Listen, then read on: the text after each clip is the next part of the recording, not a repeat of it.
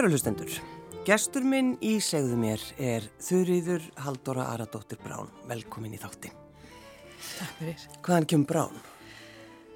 Brán kemur frá ömmu minni, Jónínu, sem bjó á Sigluferði og, og hérna hún, sem sagt, pappi hennar er okkur sagt að hafi verið norskur sjómaður sem að langama hitti á Norrfyrði, Já.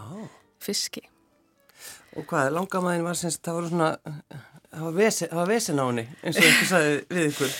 Já, það var hérna fjölskyldan átti í ykkur vandræði með hana að, okkur skilst hún að kannski hafði ákveðna skoðanir á, á lífinu og, og tilverunni og hérna hún var send í, í, í vist eða til að vinna í fiski á Norrferði á þessum tíma þegar hún hittir þar mann og, og, og að, að hennar eigin sögt þá, þá var það maður að nafni Brán sem kom af, af norsku, eina af norsku skipunum. Já. En svo hefur mamma eitthvað verið að grúska í þessu og það, það virðist kannski ekki að hafa verið alveg eins einfalt en, en við höfum mögulega held hún við giftan mann og, og, og svona en, en, en það er það er ekki öll kurl komin til grafar en þá. Nei, en, en eh, ertu forvitin um sögu langumöðunar? Já, ég held að hún hafi verið ákaflega áhugaverð persóna. Mm. Uh, miða við það sem stendur í, í Íslandíkabók og kirkjubókum að þá, sagt, þá er hún hvað, hún er víða á Íslandi og endar í rauninni með annar nafn á, á Ísafjörði þar sem hún á mann og, og börn og Breytir um, um, breytir um nafn? Já, hún breytir um nafn. Ég manna bara ekki alveg núna hvað, hvað það er en, en sagt, það er annar nafn og það kemur fram í sagt að hún hafi breytt um nafn og, og, og vita til þess að hún hafi eignast fjölskyldu á Ísafjörði. Já, þannig að hún hefur verið svona, ef að segja, ákveðin og sjálfstæð. Já, mér langar að segja það. Já, einmitt. Ég, hérna, hérna, formaður okkar hafa verið afskaplega sterkar og, og, og, og miklar konur mm. í, hérna, í sínu samfélagi, hreinlega. Já, eins og, eins og amma mín í Öravæm hérna, og, og svo sem að ég fæ nafnið þú veist og, og hérna þetta er stert og langt nafn þau eru haldóra og skildi aldrei hverju fólkdra mínir gáfi mér svona langt og erfitt nafn uh, og flókið um, en hennar saga er, þú veist, hún var mikil í rauninni stólpi í samfélaginu og, og svona hvað sé, menningar spýra í rauninni, hún var fengið til að spila á ballum og, og hérna og, og er svona hluti af samfélaginu. Mm.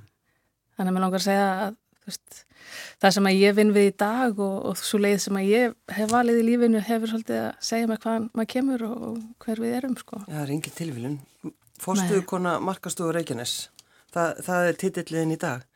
En förum aðeins samt tilbaka förum í Já. og þú talar um það að sko þú í rauninni eldst upp í svona gamlum tíma. Já, eða þú veist ég er alltaf vissið ekki þá. Um, en, en hérna svona þessi, þessir áratugir sem hafa liðið ég er fætt þarna 81 um, og og mamma í rauninni fer í sveitina sem, sem hérna, í rauninni bara húsjálp hann er hérna Amma er þá nýt dáinn og þeim vantar aðstóð í sveitinni og svona, þannig hún kemur skörungur af, af, úr syklufyrði, fer þverti við landið og ákveður að fara í sveit. Um, á þessum tíma þá er ekki malbyggað og það tekur 8-9 tíma að keira úr örfarsveitinni í, í Reykjavík, þannig að þú veist, maður er ekkert að skreppa eins og maður gerir í dag. Um, þetta er bændasamfélag og, og, og svona hvað segja, það er þetta er sjálfbært samfélag ef maður lítur á það þannig um, þú veist, við erum, við erum að leika okkur með hérna bein sem, sem leikföng skilur við, eitthvað sem af og amma leikur sem með það pappi og pappi Takk áfram sko, þú ert fætt 81 Já, já, nákvæmlega, þú veist, þannig að veist, ég fór að tala við, þegar ég er að tala við fólki kringum mig og, og fór að tala við fólk sem var eldra en, en ég og, og hérna þá gæti ég verið að tala um sömu hluti og þau oh. í rauninni, hvernig þau voru allast upp. Nefna náttúrulega, þú veist að við heyrðum náttúrulega reglulega að hérna, mamma eða að pappi þurftu að hérna, fara með búfjörnæðin lengra frá bænum sagt, til þess að eh, á beit. Við þurftum þess náttúrulega ekki þarna Nei. í mill 80 og 90. Það er náttúrulega bara fjárhús og tún og, og þú veist, frekar hefbundið þanniglega.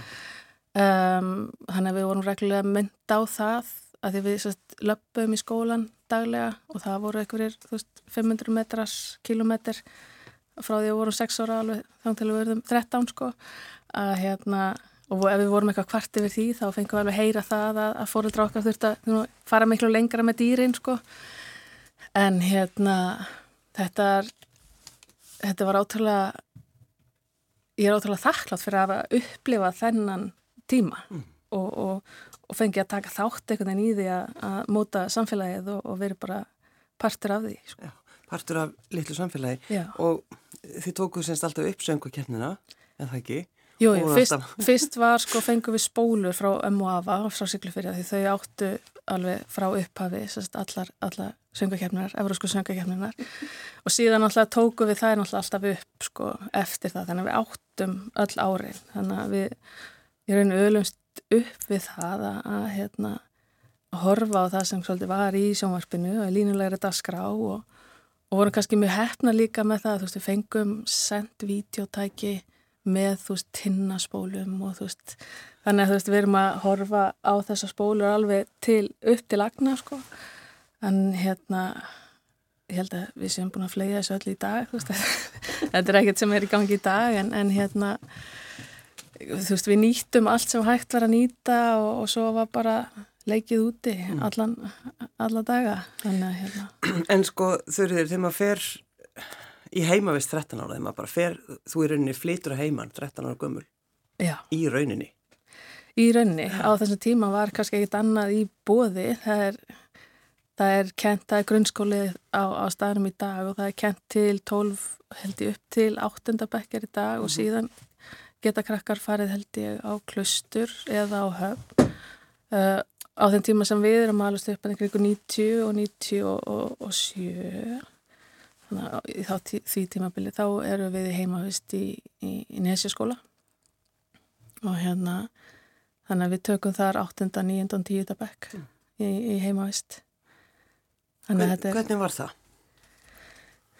Ég minnist þessa tíma sem bara alveg frábærum tíma sko ég hérna við náttúrulega erum uh, þarna hópur af krökkum á þessu, þessu aldurspyri frá Örafum, Söðsveit og Mýrónum mm -hmm um, þannig úr sveitinni, hotnafjörðarsveitinni og við verðum bara eins og lítil fjölskylda þannig alla virka daga og, og svo getum við verið heim um helgar og, og það er skólabilla á mándagsmotni og það er skólabilla á, á fæstaskvöldi og, og hérna þannig að hérna við við eignumst þarna bara fullt af sískinum hérna á sama aldri og upplifum þarna lífið saman reynlega og uh, svona, já þið fáið, þið upplifið svolítið erfiðar hluti líka þar.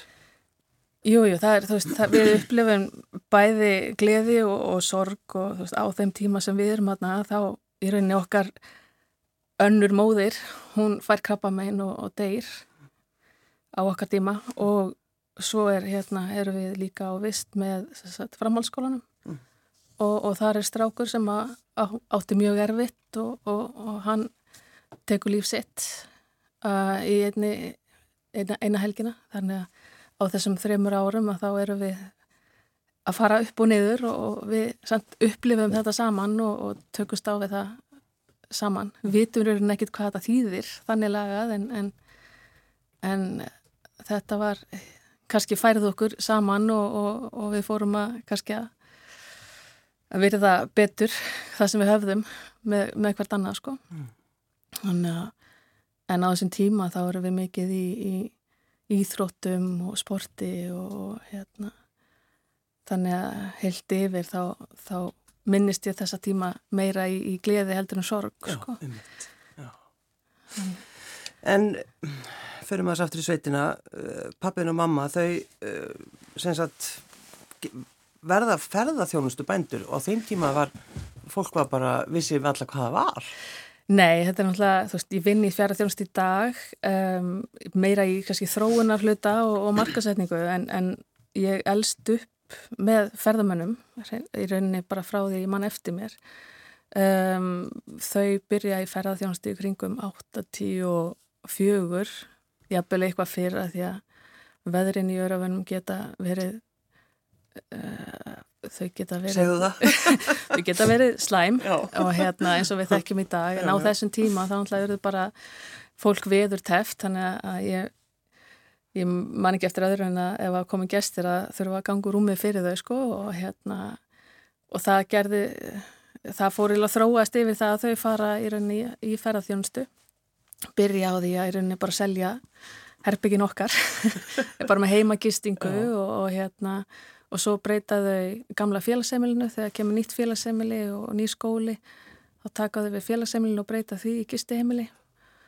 Og bæta þá við litlum bústöðum nökkur málum setna og síðan eftir að ferðamærum kannski fór að taka meira pláss að þá fórnaðu við búfíinaðinum fyrir, fyrir ferðamanninum og breytum fjárhúsinu og hlöðu í, í hérna, ferðarþjónustu þannig að hérna þetta var ekkit algengt, var það, á þessum tíma, eða hvað? Nei, þau eru kannski með fyrstu aðlunum á samt uh, nokkrum öðrum, það eru örgulega teljandi á, á, á öllum fingrunum hvað færði þjónustu bændina þau þekktum fólkum alland sem að voru í þessu, um, svona frumkvöðlar í þessari færði þjónustu. Þetta var náttúrulega ekki atvinnugrein í þá, þá, þann tíma, nei, nei. eða á þessum tíma, það var meira svona bara gott hobby fyrir bændur að drýja tekjurnar með því að hérna, vera í færðjónstu en hérna en við náttúrulega bara byrjum að vinna við að, að þrýfa herbyrgi og taka móti fólki og, og kannski bara upplifa svona áhugan á landinu. Þú veist, ég læri að meta landið gegnum bara fólki sem ég hitti. Og, og ég man svo vel eftir því að, að veist, við fáum hérna eitthvað danskan skólahóp. Og þú veist við bendaðum á að fara veist, að þessu húsi og ég lappa á eftir útunni og það sem ég sé er sko krakkarnir hlaupa allir út úr útunni og svo bara upp á fjall. Og fyrir mér er þetta alveg óskiljanlegt. Þú ert ekki að hlaupa bara eitthvað upp á fjall án þess að hafa eitthvað tilgang til þess. Elda rollu. Já, nákvæmlega. Og ég bara hvað er að þessu fólki? Hafa þau ekki séð fjalláður og það er náttúrulega kemur í ljós að það er náttúrulega ekki tilfjalli í, í Danmarku þannig að þetta var bara, þú veist, að búandi undir þessum geggjöðu fjöllum og klettum að þetta náttúrulega bara vakti mikla luku hjá þeim að enda á þessum stað og þau náttúrulega hlaupa bara allir upp að fjall. Þannig að hérna, maður lærir einhvern veginn að sjá bara umhverfið öðruvísi, maður lærir að meta það á annan hátt og, og hérna og síðan náttúrulega hvað ég, við erum við erum einhvern veginn partur af ferðalæginu þeirra. Og það er svo gaman að geta verið það og, og fá að upplifa þessa gleði og, og þessi hughrif sem að þau eiga. Þetta er svona, þetta er svona jú, þú ferðast um all landi, þú kemur af því þú ætlar að sjá þetta og þetta og þetta og þetta og með einhvern óskalista. En þegar þú ferði burtu þá, þá er það fólki sem þú mannst eftir, það er sögurna sem þú mannst eftir, þú veist, það er þú veist, að hitta fólk sem býr hérna, hefur fluttingað eða þú veist, hefur eitthvað sög að segja, að það er í rauninni það sem að situr eftir og náttúrulega erfitt að fanga það á eitthvað mynd sem þú getur sínt á samfélagsmeilum, heldur er þetta bara eitthvað sem að sem að festist, sko. Já, en sko þessum tíma þá, þú veist, við, það var alltaf ferðarþjónust einhvern veginn til, við bara einhvern veginn, ferð, þeir bara komið ferðarmenninir og maður Já. bara hvað eru þau að gera? Og já, eru þau farnir svo fóru þeir. Einmitt, veist, Þetta var bara spurningum að taka móti og þjónusta og, og svo veist, veita uh, gistinguna og gefa þeim að borða og náttúrulega á þessum tíma þá er þetta kannski mestmagnist rútuferðir og þetta eru rútuferðir sem að hérna, ég mannaldi það sem er svona, fyrstu ferðirna sem ég mann eftir þetta voru ferðir yfir jökul Þannig að það var, sérst, við vorum að taka móti fólki sem var að koma til dæmis úr bænum eða þáleið að sunnan uh, og við vorum síðast að stoppa áður en þess að fóri yfir jökul. Þannig að þau fóri í skaftafell og það er jökulsalón og svo yfir jökul og svo kom sérst annar hópar á móti sérst, yfir jökulinn og þá tókum við aftur við og, og veist, alltaf sami matseðlinn og ég sérst hef ekki borðað bleikan fisk síðan að fórildra mínu voru þarna. Nei, akkurat. og hérna, en ég, þú veist, ég hérna, segið aldrei á veitingastöðum eða, ég, þú veist, ef mér er búið um bleiku fiskur þá það, ég smakkan alveg alltaf.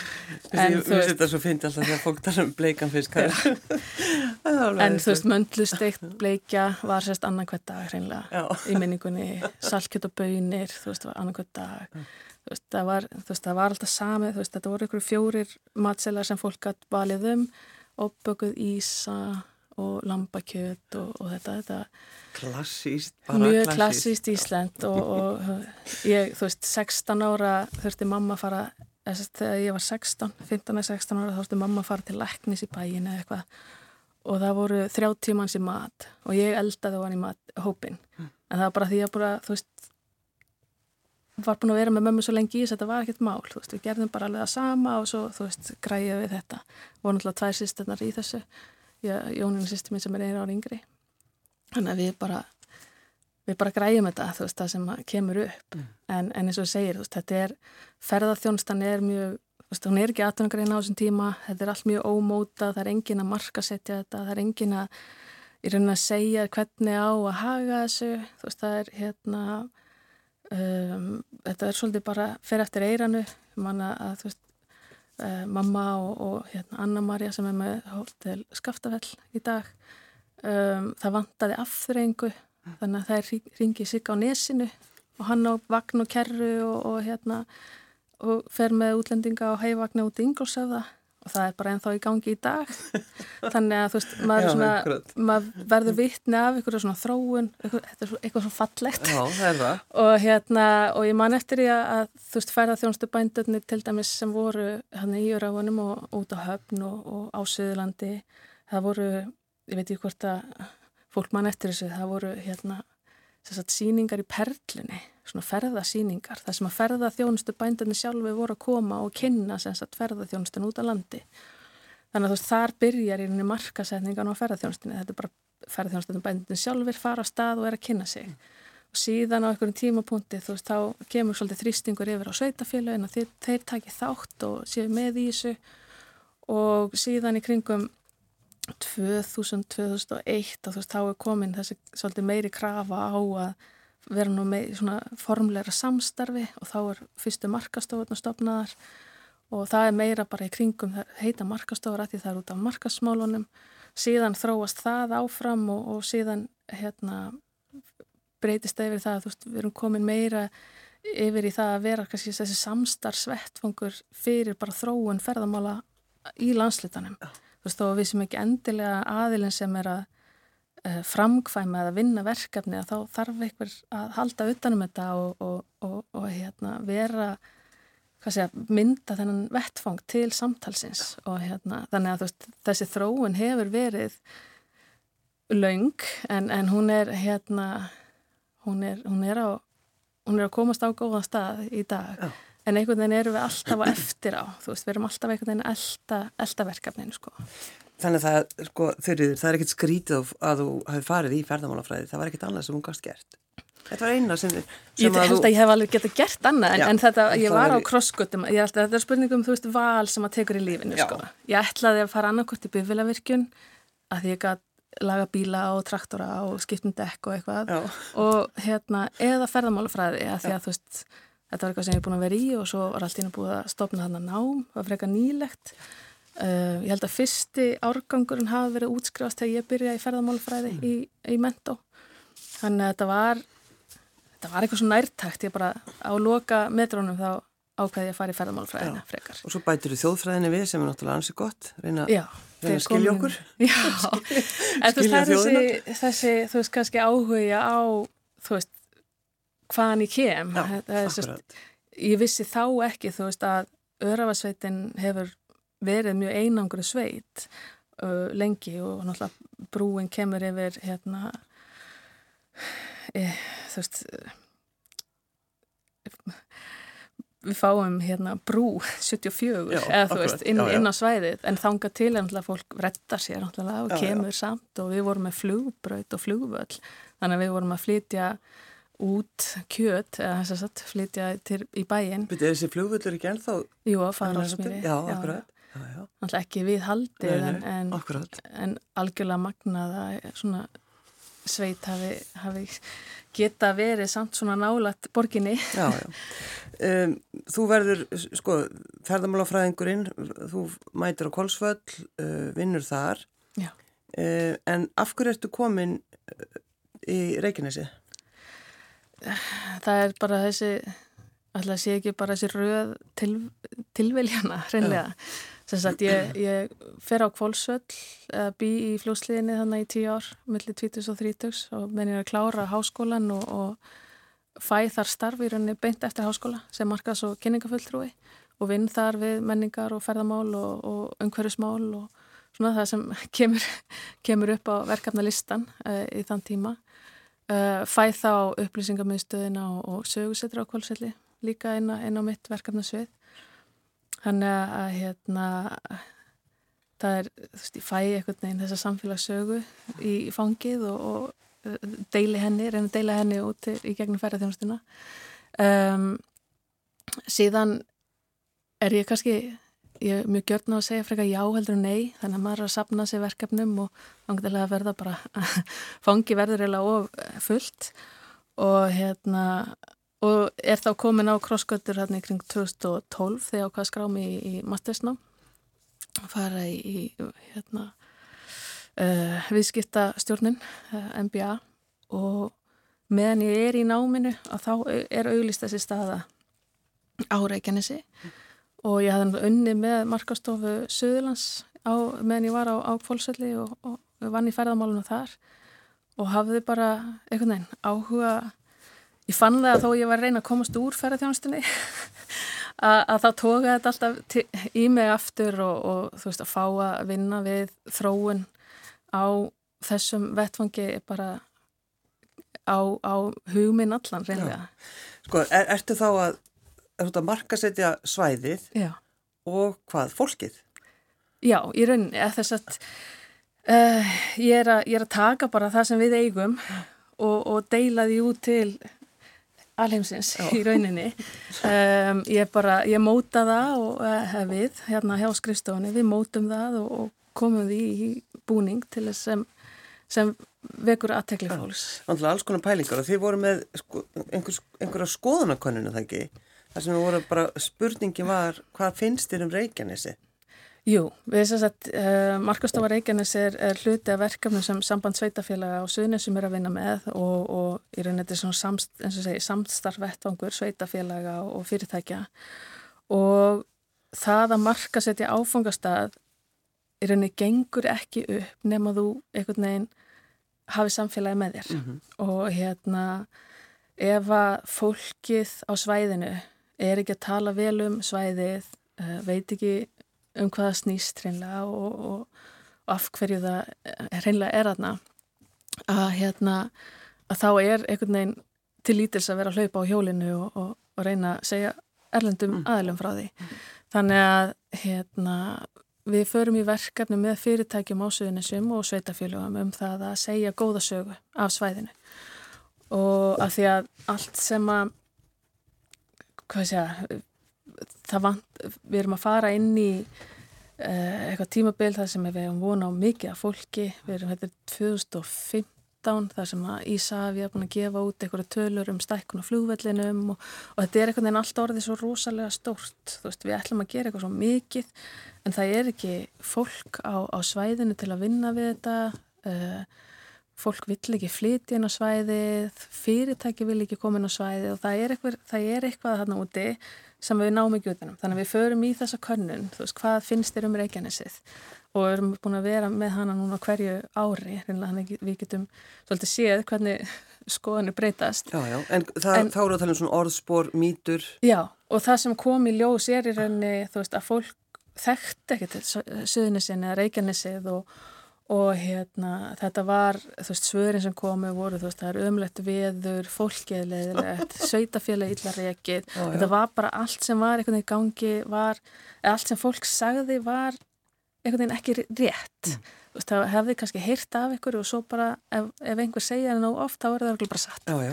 og Þannig allt bara svona neikvægt allt neikvægt vond veður og leilt fólk veist, og við vorum alveg bara ok, við getum kannski ekki breytt veðrinu en við getum allavega breytt í hvernig fólk talar um svæðið. Þannig að við fórum í, í rauninni herrferð þar sem við vorum að reyna að hjálpa um íbúum sem að höfðu góða sög að segja mm -hmm. að segja hana eins herra Já. og segja hana eins oftar. Þannig að hérna við fundum hana fólk sem að að þetta er, söðunisinn eru hafa svolítið byggst upp að verka fólki og aðflutum aðfluti fólki, sem er alls ekki snart þetta, þetta, er bara samfélag sem við höfum verið að þróast í þá átt, þú veist, þú ert að flytja einhver annar stað frá, inn á svæðið. Þannig að þú ert að flytja frá vestfjörðum þar sem fjöllin eru miklu hærri og, og sólin er skærari og, og þú veist, þú ert af Suðurlandi þar sem grasið er grætna og jöklarnir eru hvítari og mm. veist, það er allt miklu betra þarna þann sem þú komst um, og þannig var bara en þá er að tala um svæðið um að þú veist, það væri bara ekki nógu gott, ekki eins og það var heima yeah. um, en núna alltaf, þú veist erum við bara með þriðju kynnslóð, þú veist, fjórðu kynnslóð, við erum með fólk sem er eldst upp á söðunisjónum og, og finnst hver ekki betra að vera. Nei. Og það bara heyrðist ekkert frá þeim, þau hefðu ekkert, ekki rött til þess að tala upp átreinlega. Mm. Þannig að við erum reyndum að gefa þeim þessa rött og, og hérna við settum fram uh, nýjar myndir, bara nýskílabóð og fyrir hverja svona leiðinlega frétt þá reynum við að koma með e, einhverja nokkrar góðar fréttir já, já. sem að segja aðra sögu. En Reykjanesi var náttúrulega aldrei á óskalista ferðamanna, það var bara... Nei, við erum náttúrulega það, í rauninni það nýr áfangastæður og, og, og hérna, við þurftum bara svolítið að móta þessi skilabóð sem við erum að senda út. Mm. Þú veist, hver er við, hver, af hverju átt þú að koma á Reykjanesi, af hverju er það merkilegt? Og fyrir okkur er þetta náttúrulega, þú veist, þetta er staðið sem er einstakur á heimsvísu veist, þetta er, er staðinu þar sem miðallarsafsryggurinn kemur á land og þú sér það mjög afmörkuru svæði hvernig, hvernig náttúran og náttúruöflin eru að móta landslæðið mm -hmm. og síðan kemur þú veist hinn hitt hérna lægið ofan á að það er hvernig sko, náttúrun og landslæði mótar samfélagið já, já. veist af hverju eru við svona mikið hérna, mikil sjávarútögur á þessu svæði af hverju erum við með fljóvöllin á þessu svæði?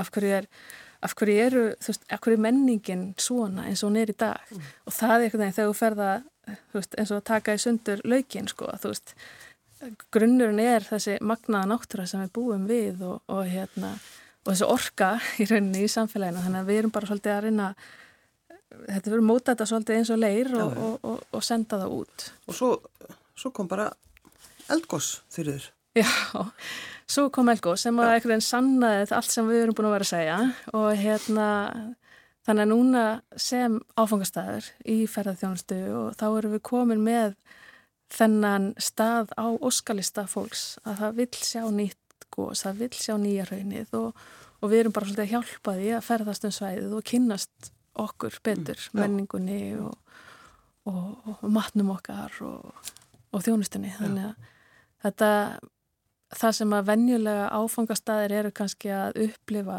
á einhverjum áratugum eru við að upplifa núna síðustu þreymur árum sko.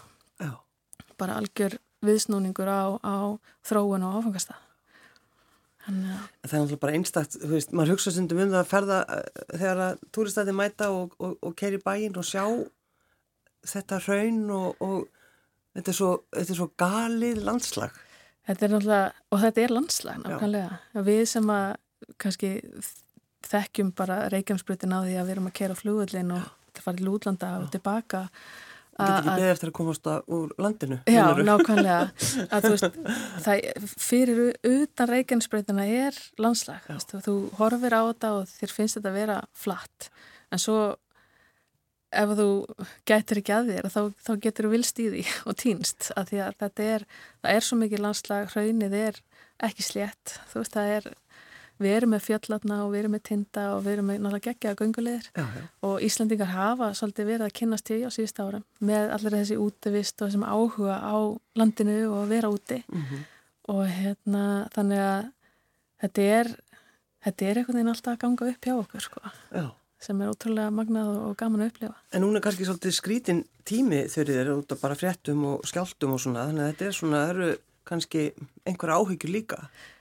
Já, og það er náttúrulega partið hluti af hérna þessu áhugamáli mínu í ferðamálum að ég er í rauninni þessi upplýsingakjöf til ferðamanna og, og þessi eins konar krísu stjórnuna því að þú veist þó að við heitum markastofa og erum að markasetja landið að þá er öryggi fyrir öllu og, og við viljum að ferðamadurinn ferðist um svæðið okkar, ferðist inn og út úr landinu okkar á örugan hátt þannig að upplifun þeirra og minningin þeirra sé jákvæð. Já, já. Þannig að það sem að við gerum er náttúrulega að, að hérna móta, veist, við, við við söpnum þessum upplýsingum sem við erum að fá frá eh, viðstofinni og almannavörnum og, og öllum og, og við komum þeim svolítið á framfari til ferðamanna um það að hvernig þeir sé best fyrir þá að haga sér mm. í, við þessar aðstæður.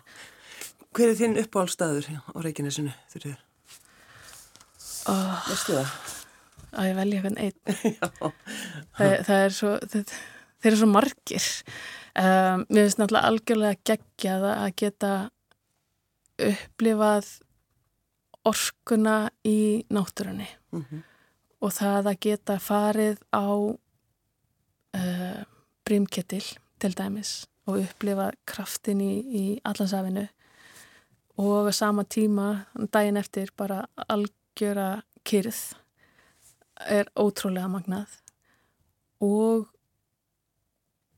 aftur náttúrulega elgósasvæðið og, og, og raunnið eins og vera í eldvörpum. Og við gunnu hver að þú, þú heyrir í náttúrulegu orkunni en svo heyrir þú líka í í hvað segja hugvitinu, þú veist, þú heyrir í í hérna, orkuverinu eða, eða, eða borhólunum frá orkuverinu. Já, heyrir í hugveitinu, þetta er svolítið góð, góð setning. Já, þetta, þetta er maður skilur, já, veist, þetta er, þetta er einhvern veginn, en, en þú náttúrulega veist það ekki nema einhver segja það, að þarna ertu þú veist að háfaðin er alveg eins, hann er jafn mikil, þú veist, bæði frá veist, hvernum og, og, og náttúrunni sjálfri og síðan þessu hugviti sem er að reyna að beisla þessa orku sko. þannig að þetta er alveg, alveg geggjaða staði til, til að upplifa það.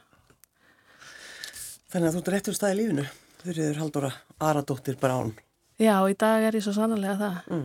en ef þú spyrir mig hvað ég ætla að vera þegar hún stór þá veit ég ekki alveg. Ég vilja virkina, hún býður eftir þér Já, já. Mm. kannski fer ég hestan aftur Já, já, Svona, það er aldrei vita uh, Ég bæði að velja lag Þú valdi flott Já, ég hérna, núna síðustu tvö árin hefur verið með virk í, í félag hvenna í aðdunlífinu og þetta er náttúrulega fyllt með eins og kom fram í uppæfi, þú veist, að hafa sterkar konur og fyrirmyndir í kringu sig.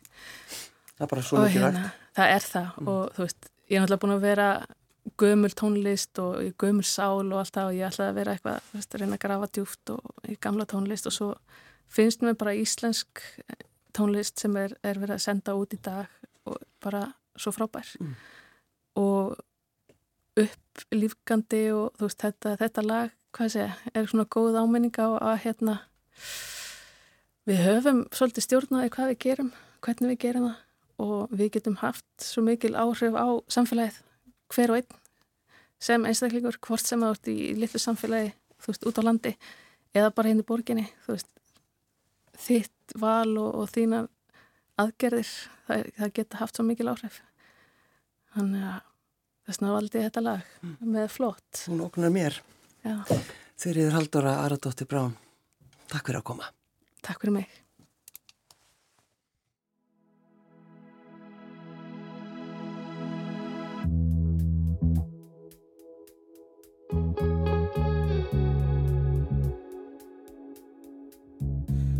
Svo sætt með svona heilbreyða húð sem þarf aldrei að meika.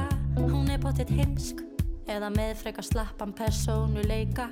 Og hún er svo klár alltaf langt hæst og svo vakant og einbeitt. Það er eitthvað að því félagslífið er þá alltaf neitt neitt. Þarf ég að rýfa eina niður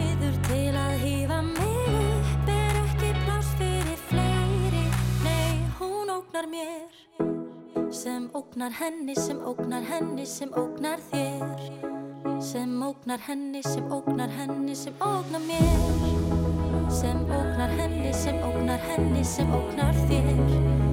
Og þú ógnar mér og kannski ógnar